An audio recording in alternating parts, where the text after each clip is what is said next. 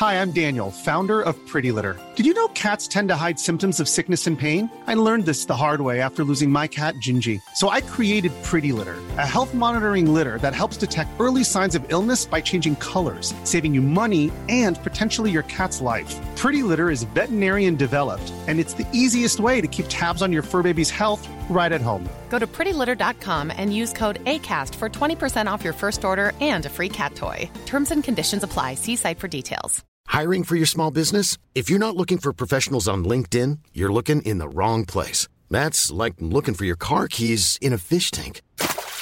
LinkedIn helps you hire professionals you can't find anywhere else, even those who aren't actively searching for a new job but might be open to the perfect role. In a given month, over 70% of LinkedIn users don't even visit other leading job sites. So start looking in the right place. With LinkedIn, you can hire professionals like a professional. Post your free job on linkedin.com slash people today. Wow. Nice. Yeah. What you're hearing are the sounds of people everywhere putting on Bombas socks, underwear, and t-shirts made from absurdly soft materials that feel like plush clouds. Yeah, that plush. And the best part? For every item you purchase, Bombas donates another to someone facing homelessness. Bombas. Big comfort for everyone. Go to bombas.com slash ACAST and use code ACAST for 20% off your first purchase. That's bombas.com slash ACAST. Code ACAST. Dette er en podkast fra Liverpool supporterklubb Norge.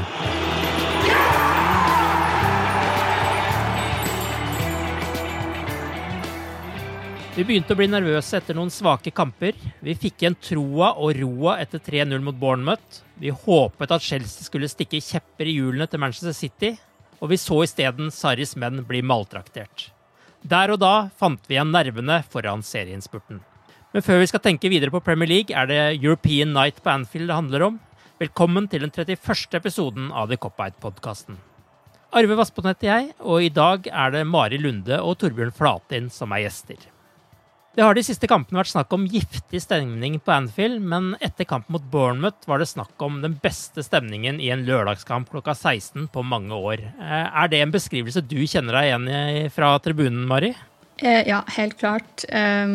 Det må sies da jeg satt på 93. rad på mainstand, og det er da helt bakerste rad, så du får melkesyre på veien opp dit. Men, eh, så det var ikke det beste utgangspunktet for å analysere stemningen. Um, men det var helt klart noe annet enn i kampen mot Leicester. Eh, og vanligvis hører man jo bortesupporterne best i en sånn klokken tre-kamp, syns jeg, da. Men Bournemouth-supporterne hadde ingenting å by på mot The Cop. Så um, det ble jo oppmuntret til å gå inn tidlig og backe spillerne under oppvarmingen. Jeg gjorde ikke det selv, men fra Nei. det jeg har sett på sosiale medier, virker det som at mange gjorde det. Så ja, det var en veldig, veldig god dag. Hva tror du er årsaken til at det på en måte har snudd litt? Og kan du si litt om hvordan det har vært i kampen mot Leicester, og hva som Ja. er årsaken her? Ja, jeg tror at to ganske skuffende uavgjortskamper At man skjønte at man måtte endre noe. Eh, og det ble som sagt oppmuntret til endring på sosiale medier. Og så må det kanskje ta med, tas med i ligninga at på lørdag så var det strålende solskinn. Det var mildt i været og sånn generelt god stemning. Mens mot Leicester for ja, to uker siden så var det en helt annen historie med hagl og snøstorm og sånne ting. Har nok litt å si, det også.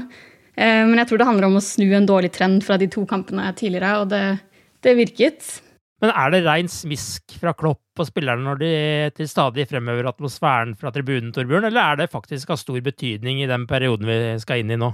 Jeg føler at det kan komme til å ha stor betydning i den perioden vi skal inn i nå.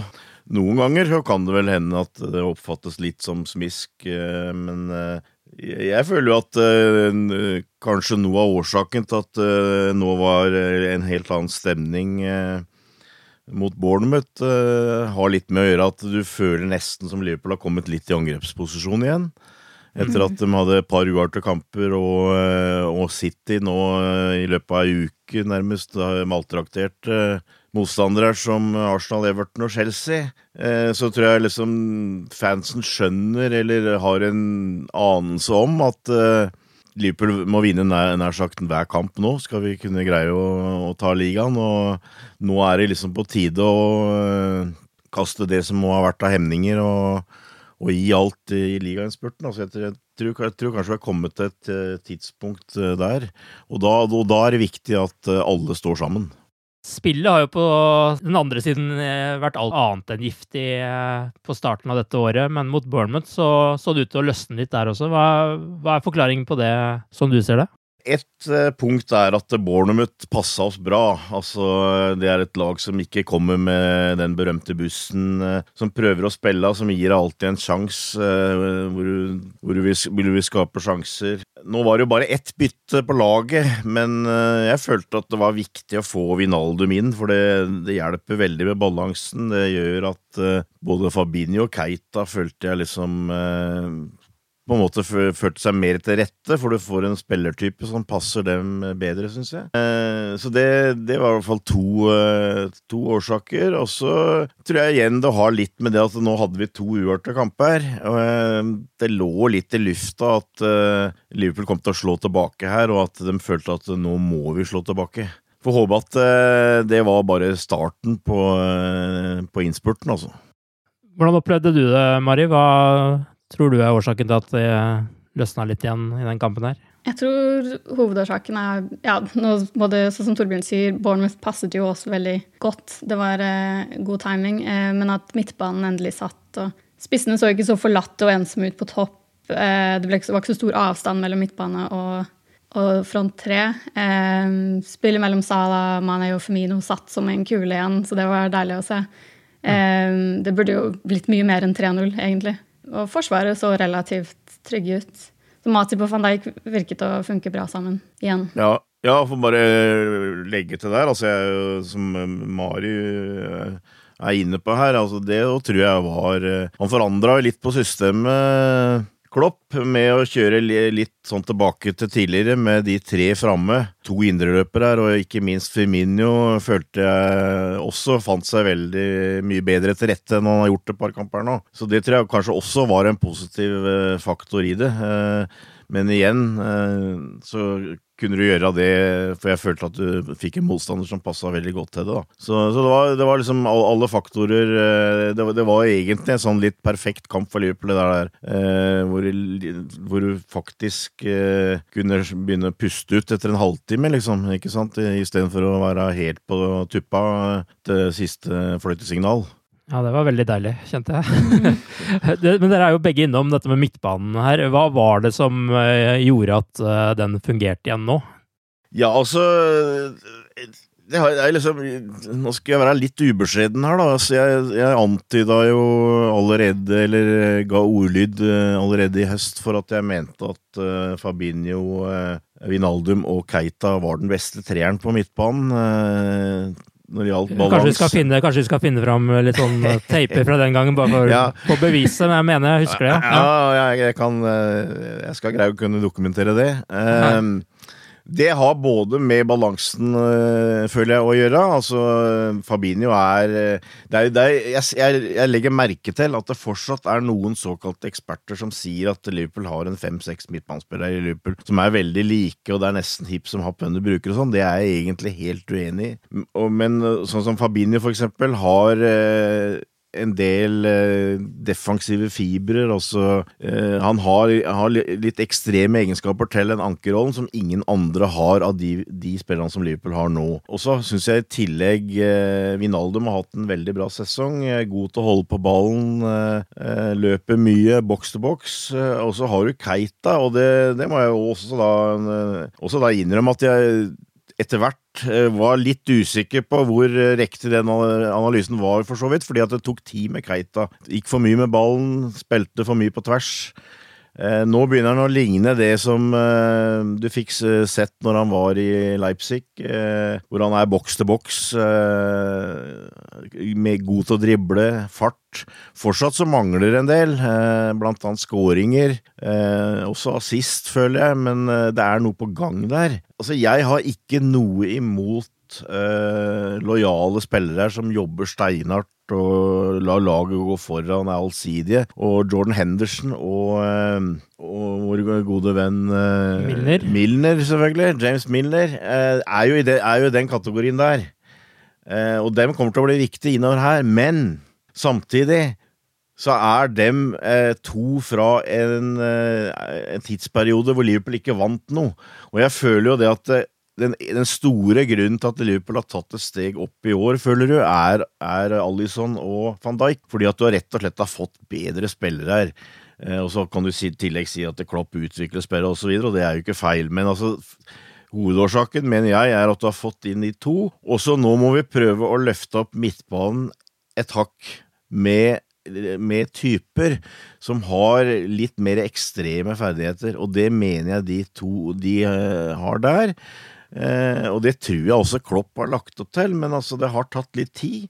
Fordi uh, først Fabinho og nå Keita har brukt tid til også å etablere seg i, i Liverpool og engelsk fotball, men det begynner å nærme seg. Og, og det tror jeg påvirker at vi nå da forhåpentligvis er i ferd med å finne en bedre nøkkel eh, på midtbanen der, altså. Og jeg tror det er, kommer til å være ramma til Klopp framover. Eh, og så blir det sikkert litt justeringer. Altså, vi var veldig offensive mot eh, Bournemouth, eh, hvor Fabinho liksom satt, satt, bak og de to andre gikk framover. Eh, det kan nok hende bli justert enkelte kamper. Og, og kanskje i framtida så eh, kan vi få inn en Coutinho Fikir-type også. Eh, og så bruker du kanskje da Fabinho og en av de to andre som sitter litt mer, og så, og så blir det enda et ei hylle opp. Men eh, la oss nå ta først, eh, første skritt av gangen her, da. Men, men det var liksom min, min analyse av, av midtbanen, føler jeg. Og jeg er ikke enig med dem som sier at det er hipp som happ hvem som spiller på midtbanen nå. Altså, jeg føler at de tre som spilte mot Bournemouth, det er eh, framtida eh, på Liverpools midtbane. Eller i hvert fall en stor del av framtida. Du nevner det med ekstreme ferdigheter eh, for Keita og Fabinho som de andre ikke har. Hvilken ferdighet er det du mener de besitter? Jeg syns jo Keita for eksempel er jo veldig god til å drible, veldig god til å gå med ballen. Vi jo, husker jo den episoden mot Leicester, eksempel, hvor han ble felt og fikk straffespark og kom bakfra på et dypt løp dypt inn i motstanderens straffefelt. Det syns jeg er veldig sjelden du ser med, med, Milner eh, og Henderson. Jeg tror også det er noe uforløst der eh, i forhold til skudd eh, og skåringer, som jeg tror vil komme. Og så føler jeg at det er en helt annen energi og fart altså tempo. Altså, James Milner er ikke noe treg spiller, men uh, han er tross alt uh, godt opp i 30-åra, uh, så uh, 33 har han vel blitt. så og, og, Henderson litt det samme, altså. Jeg, jeg føler at det, det, går litt på et høyere gir. Med, med, Vinaldum og, og Keita i spillet. Det er mer intenst. jeg nevnte Vinaldum, føler jeg har den der kvaliteten at han mister ballen veldig sjelden. Og det syns jeg også Henderson og Miller for så vidt sliter litt med i kamper hvor trøkket er, er høyt. Og så har, har de rutine, de, de, de, kan gjøre, gå inn og gjøre en jobb, men altså, i det store og hele så syns jeg um, det er et helt annet uh, tempo og energinivå på de, de, to jeg nevner der. Og så har du Fabinho som uh, er ekstrem når det gjelder å vinne igjen ballen. Uh, har høyde, eh, har lange bein, som eh, har nevnt å få pirka eh, borti ballen og, og vinne igjen. Vinner i lufta. God fysikk. Jeg syns også han er veldig sånn foroverretta. Når han får ballen, så, så, slår han ofte tidlig og, og framover. Som jeg tror er ikke minst viktig når vi har de tre på topp der. Så alt i alt så føler jeg at det er en, en bedre modell enn en det vi hadde, da.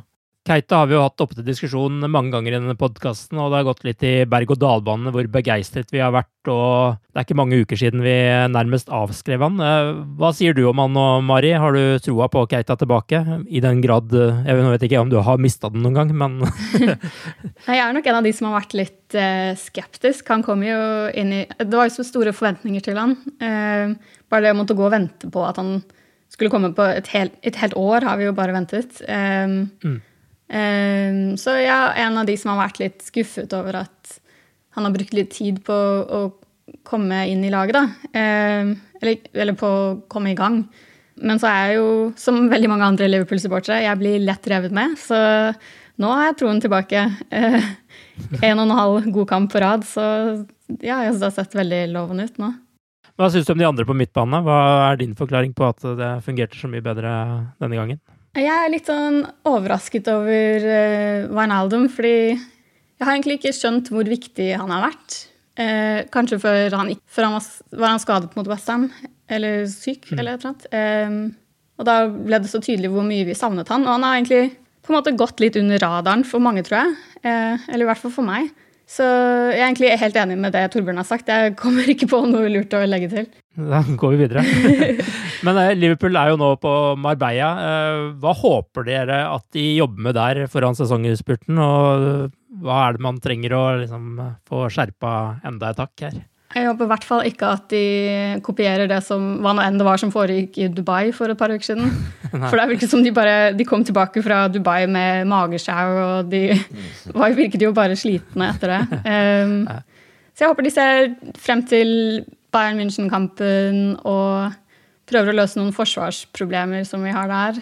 Og så håper jeg at noen av de skadede spillerne som er med på turen, kan ta nye steg mot friskmelding. Eh, det ser jo veldig lovende ut med Oxlade Chamberlain. Det ser jo bare bedre og bedre ut, det som legges ut på sosiale medier med han. Han er vel ikke helt tilbake i full trening, men eh, at det nærmer seg noe. Han har vel ikke forventet Det blir vel hevda sånn i løpet av april, eh, altså sånn mellom 9. og 30. april omtrent. Det er vel det som er blitt ja. antyda med han. Ja. Åh, det høres så lenge ut.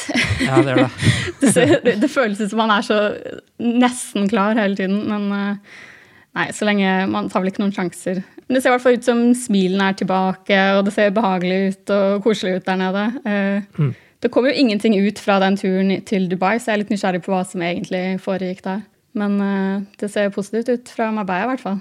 Bortsett fra å ligge unna mat eh, med salmonella, Torbjørn, hva tenker du de bør jobbe med? Ja, jeg tror han Jeg var innom den såkalte ramma, så jeg tror Jeg, vet, jeg vil tro at de kommer til å jobbe en del med å kanskje ha eh, ha den ramma som de hadde mot Bournemouth, med de tre framme. Eh, at de, de eh, framover kommer til å satse mye på 4-3-3, det ser jeg litt for meg. Med Fabinho som anker og, og Firminio som spiss. For nå er det liksom slutten igjen. Og det er klart, dette er siste liksom litt, hva skal jeg si, store pausa. Det er sånn landslagsopphold, men det er jo for mange ikke noe pause. Så det blir liksom nå å forberede seg på eh, siste 12-15 kampene, eller hva det blir. Eh, avhengig av åssen det går i Champions League. Men altså, jeg, jeg, jeg tror Klopp ser for seg nå at eh, nå prøver vi å bygge på det som vi skal ha i resten, og at i utgangspunktet så blir det så lite eh, rotering som overhodet mulig. Eh, det, det, tror jeg det kommer til å bli jobba med. Og så er det selvfølgelig i tillegg det at du har eh, du har noen spillere som eh, de eh, trenger å, å få eh, kampklare. Det, det, er klart det, det, ligger i det. Og så er det også en sånn da såkalt bonding session, altså at vi blir spleisa sammen og bare ytterligere prøver å forsterke liksom Lagånden her. Det, det tror jeg. Så det i det hele tatt liksom puste ut og og stå, stå best rusta nå til, eh, til, begynnelsen på slutten. Til møtet med Bayern München så har jo Liverpool igjen store problemer i midtforsvaret. Van Dijk er suspendert, Joe Gomez er ute i fire til seks uker til, og Dejan Lovren sliter med en hamstring som gjør at han ikke er med på treningsleiren til Spania i det hele tatt. Dermed er Matip den eneste tilgjengelige stopperen, og spørsmålet er selvsagt hvem som bør eh, spille sammen med han. Hva syns dere? Det naturlige valget føler jeg jo er Fabinho.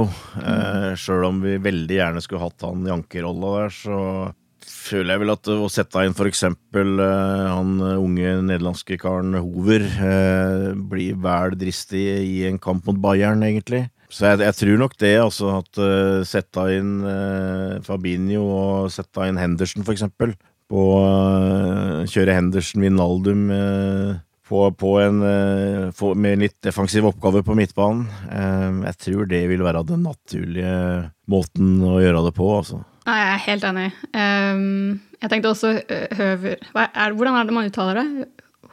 Hover? Høver? Ja, ho hover, sier hover, jeg, men om hover. det er riktig, har jeg ikke peiling på. Altså. Men, da går vi for Hover. Jeg tenkte også Han kan jo spille i den rollen, men det er litt risikabelt. Man burde ha en med mer erfaring. Så Fabinho er vel det mest naturlige valget, i hvert fall. Men jeg, si, jeg syns Matip har hevet nivået litt i det siste, så jeg, jeg, ser ikke like mørkt på det som jeg ville gjort for noen uker siden. Men det er jo som dere er innom litt eh, synd det er at vi nå endelig ser ut til å finne en formel på midtbanen igjen, og så må vi igjen gjøre om på det pga. skader. Eh, det er ikke noen andre mulige løsninger her, altså? Nei, altså Vi har, vi har på en måte brukt opp midtstopperne, da. Altså, nå er det så, selvfølgelig litt ekstremt da, at du har én suspendert og to skada. Jeg føler vel ikke at de der gutta på U23 er eh, helt klare. Da snakker vi kanskje for så vidt gjennom han Hoover, da. Jordan Henderson kunne vel sikkert eh, på en måte gjort en jobb der, men uh, det er viktig å holde nullen nå, da. Det er liksom i Champions League å slippe inn mål på hjemmebane er, er, litt krise. Så jeg, jeg, jeg, ser egentlig ikke noe særlig andre løsninger enn det, altså. Og det, det, det viser jo litt nå er, nå er, det som sagt litt ekstremt, da, forhåpentligvis er Loveren i hvert fall klar eh, rett i etterkant av, den første kampen mot Bayern, som, som vil hjelpe mye. Eh, og så da har du da selvfølgelig van Dijk eh, tilbake fra suspensjon, men det viser, det viser, kanskje litt noe av det som eh, kan bli et problem på slutten her, at eh, Liverpool eh, er nok litt sårbare hvis enkelte folk er ute. Mm. Så det får bare krysse fingra på at dette er et enkelttilfelle, og at vi greier å takle det. Hvordan er troen deres på titteljakten nå, etter eh, de siste ukene og det vi jo har vært innom med Manchester Citys eh, maktdemonstrasjoner, samtidig som Liverpool har eh, virka litt mer usikre en periode? Liverpool har jo fortsatt førersetet, men har dere mista noe tro, eller har dere mer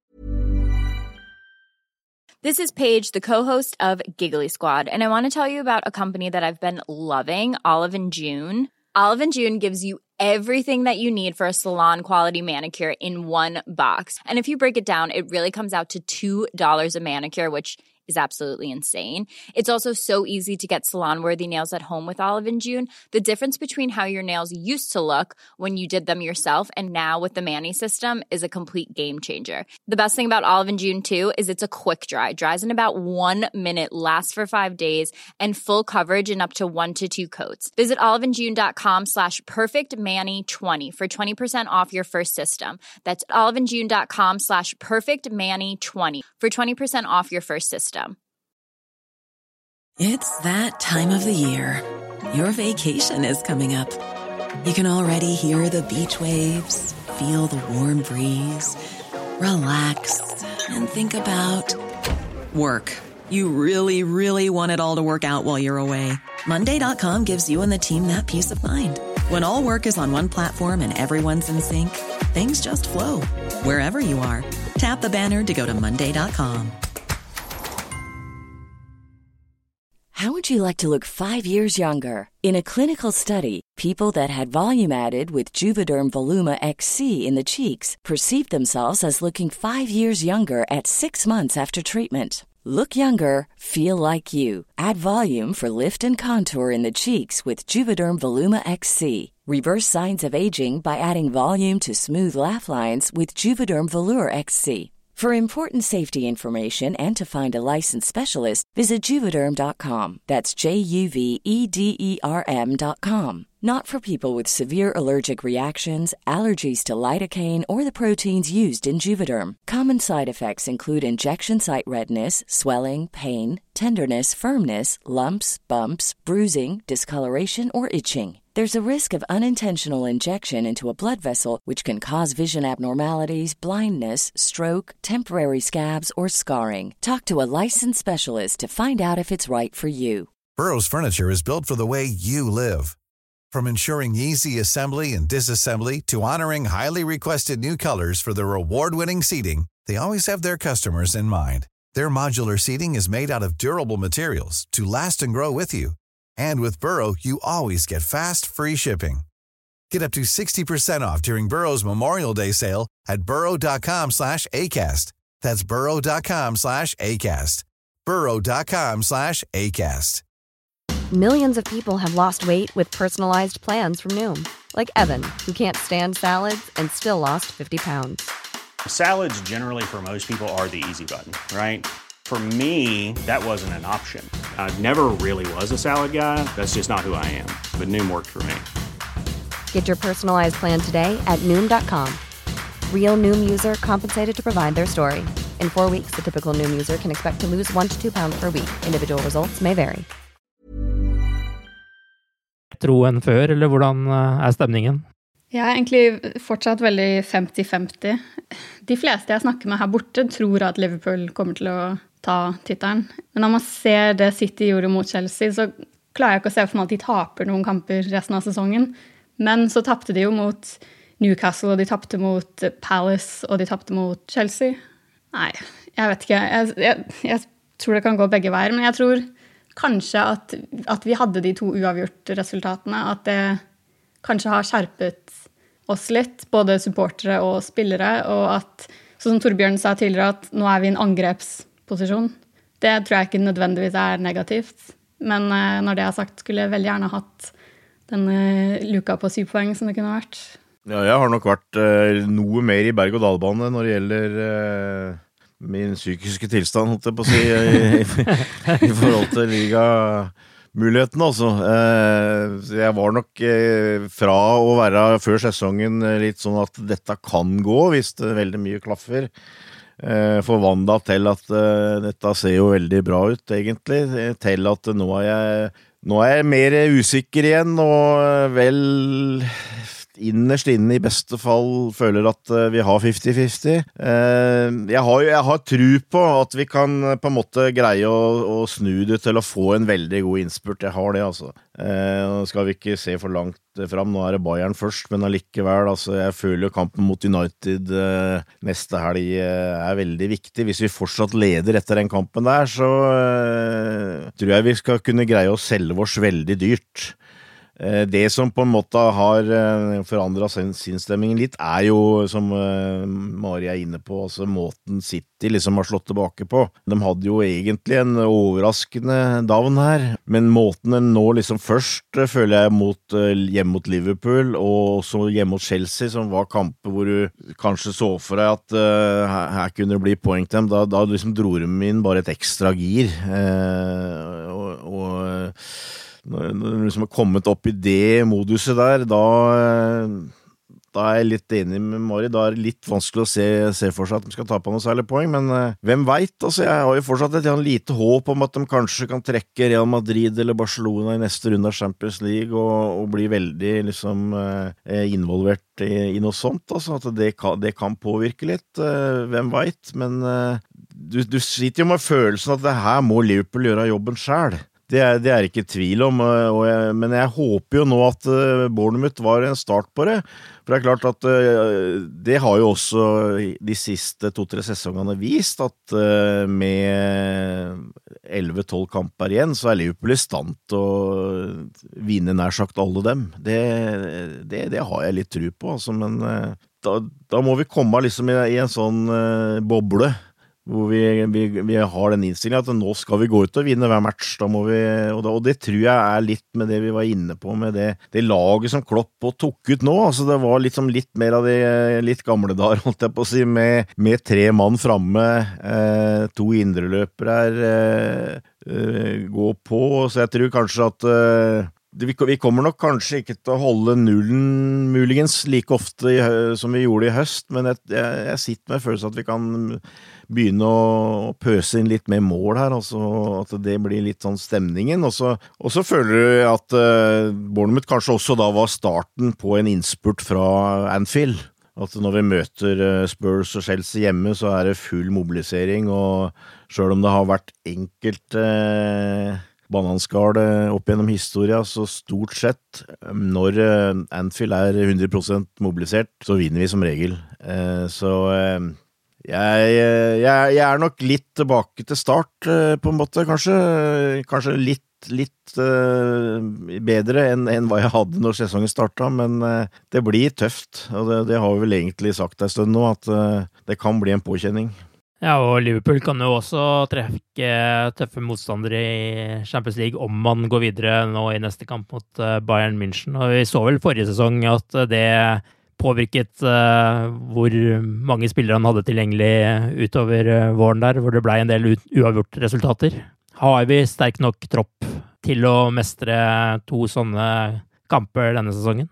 Ja, det er et godt spørsmål. Det, det, er litt vanskelig å svare på, føler jeg. Men det er klart, det, er ikke, det blir jo ikke mange kampene i Champions League, da. Men uh, som jeg har sagt egentlig hele sesongen uh, Hvis du greier å holde de tre-fire aller viktigste spillerne i orden, så føler jeg at vi har muligheter til å kunne dekke opp ganske bra på de fleste andre plasser. Uh, jeg må jo innrømme at akkurat per i dag så er jeg liksom ikke helt i Champions League-modus. Altså, jeg tenker ligaen fortsatt, jeg. Ja.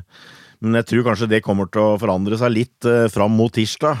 Eh, jeg håper jo ikke spillerne er sånn, men altså For meg så er det fortsatt liksom ligaen som suser opp i huet, og så får, eh, får Champions League komme litt som, eh, som det kommer. Altså, jeg, jeg, veit ikke.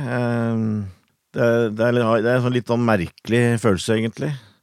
Og det er, det, er, jo liksom litt sånn, altså, ok, slår vi ut Bayern, så er det jo glimrende. Og det blir spennende å følge videre. Slår vi dem ikke ut, så må vi prøve å utnytte det, med at vi da har bare ligaen å konsentrere seg om. Så det, det, er litt sånn Det er mulig at det, det kan oppfattes som en litt sånn defensiv holdning, men det er ærlig talt det som sitter litt i kroppen min nå, altså. Da skal du få et par minutter og peppe deg opp eh, til eh, Bayern snakker på, mens vi skal snakke om et par andre ting rundt eh, klubben. Liverpool bekrefter jo nå at de er i forhandling med både New Balance og konkurrentene, som da angivelig er Adidas, Nike og Puma, om en ny draktleverandør fra 2020-2021-sesongen. I dag får Liverpool 45 millioner pund i året for sin avtale med New Balance. Det antydes at Liverpool med en ny avtale kan nærme seg Manchester Uniteds årlige sum på 75 millioner pund, og i hvert fall passere Arsenal som får 60 millioner pund i året. Nå er jo vi mest opptatt av det som skjer på banen, men hva slags betydning har slike avtaler for eh, klubben, Torbjørn? Altså, Liverpool hadde jo et rykte egentlig i ganske mange år om at den var dårlig kommersielt. Eh, Sjøl om den faktisk var først, aller først ute med draktreklame.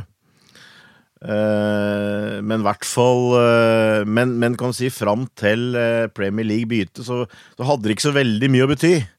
Fordi forskjellene var såpass små likevel. Så at Liverpool hadde sånn ei lite sånn skur hvor de solgte suvenirer borte ved det som nå er Shankly Gates, ikke sant, mens United hadde sin megastore. Altså det, det, var, det, hadde ikke så veldig stor betydning før, men det har selvfølgelig hatt, fått mer og mer betydning, og du må følge med timen. Eh, og det er klart, det er jo noe av det FSG har kommet inn og hjelpa til, og som, som, hvor de har vært bra vel egentlig helt fra starten, eh, nemlig å konkurrere på sponsormarkedet.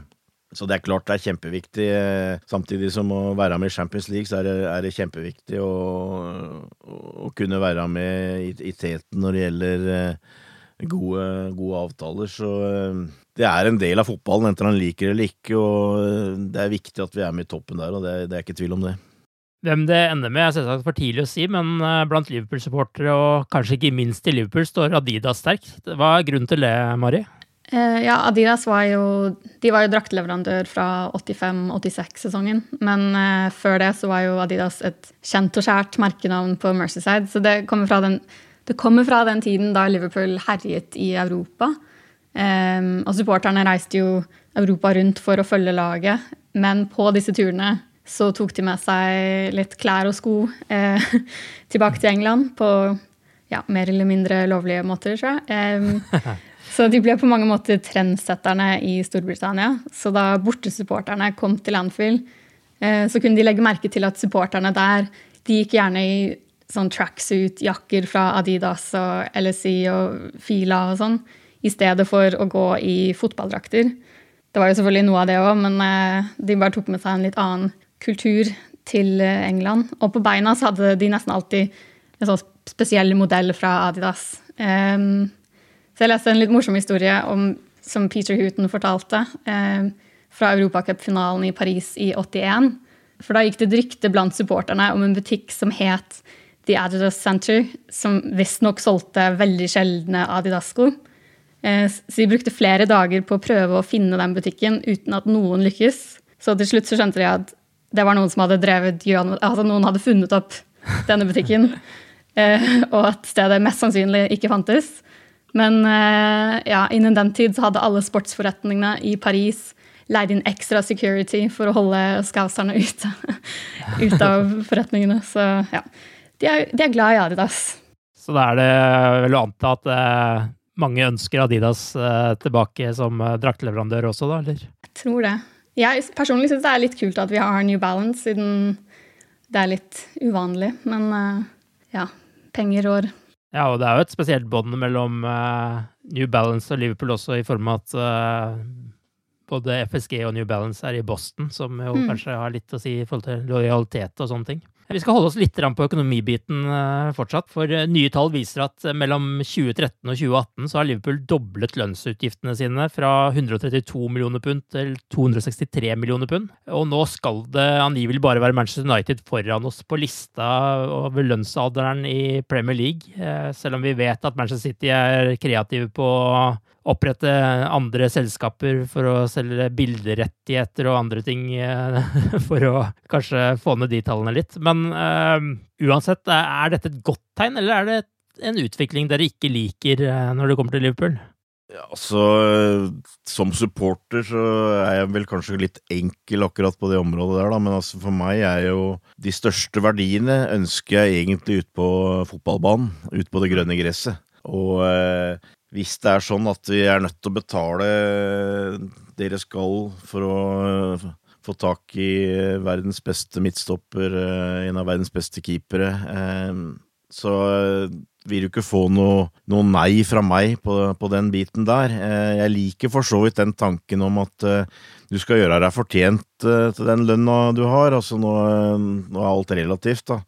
Du kan jo hevde at fotballspillere i toppen tjener altfor mye osv., men uh, i Liverpool er det vel litt sånn at du, du starter uh, på et relativt edruelig nivå, og så hvis du viser at du presterer, eller, eller, presterer, så, så, blir du betalt deretter. Og jeg tror enten du liker det eller ikke, så skal du henge med i toppen, så må du i hvert fall være i nærheten når det gjelder lønninger. Altså det er jo noe Klopp for så vidt har sagt. Altså, det er klart, eh, alt har ei grense. og det kan være enkelte klubber som du, det, er helt ulogisk at vi skal være med og, være helt på samme nivå. Men eh, det, det, som Liverpool på en måte må strebe etter, er jo at klubben på alle måter blir så attraktivt at vi slipper å måtte gi fra oss spillere som drar til andre klubber fordi at de betaler bedre, eller, eller gjør bedre sportslig. Jeg lik, jeg, Hvis jeg skal prøve å svare på det spørsmålet, så føler jeg vel at jeg jeg liker det, fordi at det viser vel at Liverpool nå er med og er å spise kirsebær med de store, eller er i hvert fall i ferd med å Du føler at de, de kjemper om å kunne uh, hente de gjeveste trofeene. Så uh, jeg føler at det ville vært feil hvis vi, vi ikke var der. Hva tenker du, Mari? Er du redd for at uh, prisen i Liverpool skal gå opp uh, som konsekvens av dette, eller uh, tenker du kun på laget her? Ja, altså fotballromantikeren i meg vil jo helst stoppe hele pengetoget. Men det er jo som, som Torbjørn sier, for å holde, holde følge med teten, så er det nok det som må til. Jeg vil jo heller at de skal betale noen ekstra pund. Det er kanskje ikke snakk om et par ekstra pund, men, men likevel for å tiltrekke seg spillere, men kanskje aller mest for å holde på de viktigste spillerne. Noe som har vært en av våre største utfordringer de siste årene. Eh, så lenge det ikke går utover billettprisene til supporterne, så er det helt greit for meg, for det er ikke mine penger. Men hvis de gjør det, så kan det fort bli litt eh, Da kan vi fort gå litt tilbake i tid og forvente litt giftigere stemning på tribunene med protester og walkouts og sånn. Men eh, så lenge det unngås, så er det all good fra meg. Og det handler vel litt om eh, hva slags resultater man eh, til slutt oppnår på banen ja, med ja. de lønnsutgiftene også. Ja, så klart. Bayern München er jo, som vi har vært innom, neste motstander. Hva forventer dere at Liverpool vil stå overfor her? Det er vel ikke den mest briljante Bayern-utgava, sånn som jeg har forstått det. Jeg Kan ikke akkurat si jeg følger veldig mye med i Bundesliga, men jeg har jo fått med meg at uh, i, for, i forhold til hva de tradisjonelt eh, har av ligasesonger, så har det vel vært litt under paret i år. Selv om det, det, har vært noe bedre i det siste, og de er i ferd med å kappe innpå det forspranget som Dortmund har hatt i toppen. Eh, men eh, Bayern er vel i ferd med å gjennomføre et generasjonsskifte, hvor et par av de store stjernene som Robben og Ribberi er på vei ut en dreven motstander. Vanskelig, selvfølgelig. Er sterke i hver inn av banen, blant annet, med Lewandowski på topp og Neuer i mål. Eh, men heller ikke noe Jeg, tror jeg ut, uttalte når trekninga var, at det var en trekning midt på treet, og det mente jeg ærlig ut fra de motstanderne Liverpool kunne få. Tøff trekking, eh, men eh, likevel absolutt overkommelig, tror jeg. Men Bayern kan, kan e-cup, men det kan Liverpool òg, så jeg tror det blir fascinerende møte. Ja, det, jeg tror også det kan bli fascinerende. Jeg, jeg, ser ikke tysk fotball, så jeg kjenner egentlig ikke til hva Bayern gjør hjemme, men jeg vet at de ligger bak Dortmund på tabellen, og de fikk jo kjørt seg mot Tottenham i går. Det er kanskje ikke så rett frem, men eh, det ser jo lovende ut sånn sett. Eh, og så er det jo selvfølgelig en fordel at Klopp kjenner dem så godt, selv om statistikken hans mot dem ikke er den beste. Jeg leste før vi startet å spille igjen at han har møtt Bayern som manager 29 ganger og vunnet bare åtte av de kampene. Eh, men det var jo selvfølgelig en helt annen tid og med andre lag, så det trenger vel neppe vektlegges for mye. Nei, og noen av dem er jo Mainz og Ja, stemmer. Men ja, jeg tror det blir spennende kamper. De, de, vant jo sin gruppe greit, selv om den kanskje ikke var den vanskeligste. Eh, men ja, som Torbjørn sier, de kjenner Europacupen godt. Så det kan bli to spennende oppgjør. Jeg gleder meg. Liverpool har vi jo mer oversikt eh, over. Hvilken elleve vil dere se fra start på Anfield i denne kampen? Ja, jeg vil se samme som mot Bournemouth, men med de nødvendige endringene. Så Trent tilbake på høyrebacken, Fabinho potensielt i midtforsvaret med Matip, og Henderson inn på midten, tenker jeg. Ja, helt, helt enig i det, altså. Og eh, blir egentlig litt overraska hvis eh, det blir noe, noe annet. Eneste måtte kanskje være at han kjører inn en av de rutinerte midtbanespillerne. Uh, for å kanskje gjøre en spesiell jobb i den kampen her. Jeg, jeg veit ikke. Han har jo brukt eh, Milner og Henderson og Wijnaldum ja. i en del av disse europacupkampene før. Ja da, uh, han har det. Så det kan hende. Og eh, det er mulig at uh, jeg er litt sånn uh, og, og, håper vel egentlig at jeg tar grundig feil, men altså Jeg tror kanskje at det blir litt mer sånn uh, Kanskje litt mer sjakkprega til tirsdag enn du kanskje ønsker eller forventer. Jeg veit ikke. jeg, tror, jeg tror Bayern i hvert fall kommer til å være litt forsiktig i utgangspunktet. Og så tror jeg òg Liverpool uten eh, van Dijk eh, er opp, eh, oppsatt på å holde bra tett bakover, og i hvert fall ikke slippe kanskje midtbanen for, for langt fram. Jeg veit ikke. Overlate til de tre på topp. Så Ja, jeg veit ikke. Jeg det, er, det er jo noe, en floskel, men altså, mål styrer kamper, så jeg tror kanskje det, det vil være veldig avhengig av det. Hvis det blir en, blir en scoring, så vil det komme til å, å, å, prege matchen. Men eh, i utgangspunktet så er jeg litt usikker på hvor mye fyrverkeri det blir, altså til tirsdag. Eh, jeg tror kanskje Bayern nå føler at, eh, at de, de, er en sånn rutinert, dreven motstander, og, og det kan bli litt sånn taktisk spill her. Avslutningsvis så trenger vi et lite tips på hvordan dere tror det går på tirsdag. Mari, hva tenker du? Um, jeg tror at det ikke blir snakk om noen utklassing verken den ene eller andre veien. Uh, med litt sånn vaklende forsvar så tror jeg at vi slipper inn mål, så jeg går for 2-1 til Liverpool. Jeg, jeg, jeg, håper jo egentlig jeg tar grundig feil, på en måte. Altså, jeg, jeg, sitter med en sånn følelse at uh, det kan ende 0-0, altså. Men uh, Jeg veit ikke.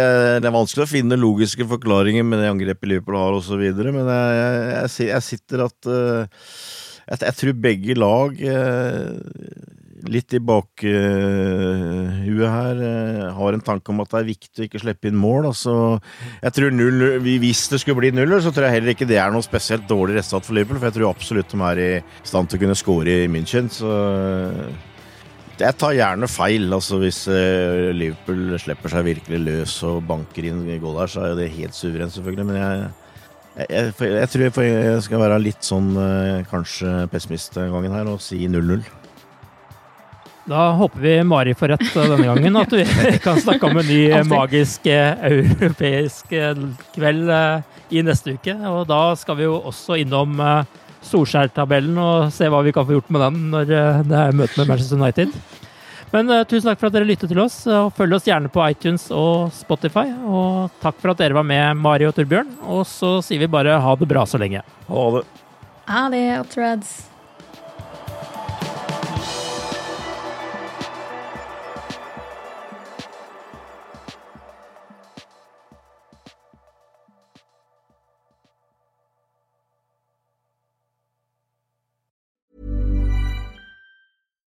Here's a cool fact a crocodile can't stick out its tongue. Another cool fact you can get short term health insurance for a month or just under a year in some states. United Healthcare short term insurance plans are designed for people who are between jobs, coming off their parents' plan, or turning a side hustle into a full time gig. Underwritten by Golden Rule Insurance Company, they offer flexible, budget friendly coverage with access to a nationwide network of doctors and hospitals. Get more cool facts about United Healthcare short term plans at uh1.com. Hi, I'm Daniel, founder of Pretty Litter. Did you know cats tend to hide symptoms of sickness and pain? I learned this the hard way after losing my cat, Gingy. So I created Pretty Litter, a health monitoring litter that helps detect early signs of illness by changing colors, saving you money and potentially your cat's life. Pretty Litter is veterinarian developed, and it's the easiest way to keep tabs on your fur baby's health right at home. Go to prettylitter.com and use code ACAST for 20% off your first order and a free cat toy. Terms and conditions apply. See site for details. Planning for your next trip? Elevate your travel style with Quince. Quince has all the jet setting essentials you'll want for your next getaway, like European linen, premium luggage options, buttery soft Italian leather bags, and so much more. And is all priced at 50 to 80% less than similar brands. Plus, Quince only works with factories that use safe and ethical manufacturing practices. Pack your bags with high-quality essentials you'll be wearing for vacations to come with Quince. Go to quince.com slash pack for free shipping and 365-day returns.